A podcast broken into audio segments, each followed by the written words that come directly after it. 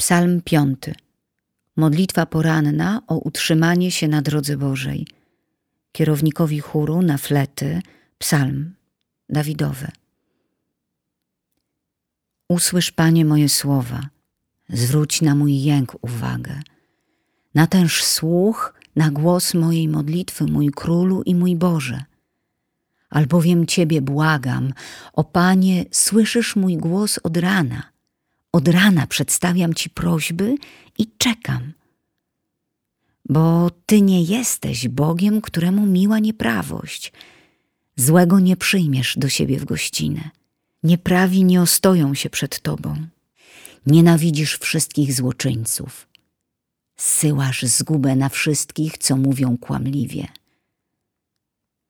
Mężem krwawym i podstępnym brzydzi się Pan ja zaś dzięki obfitej Twej łasce wejdę do Twojego domu.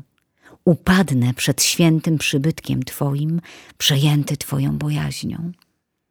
O Panie, prowadź mnie w swej sprawiedliwości na przekór mym wrogom. Wyrównaj przede mną Twoją drogę, bo w ustach ich nie ma szczerości. Ich serce knuje zasadzki, ich gardło jest grobem otwartym a język ich mówi pochlebstwa. Ukaż ich, Boże, niech staną się ofiarą własnych knowań. Wygnaj ich z powodu licznych ich zbrodni, buntują się bowiem przeciwko Tobie.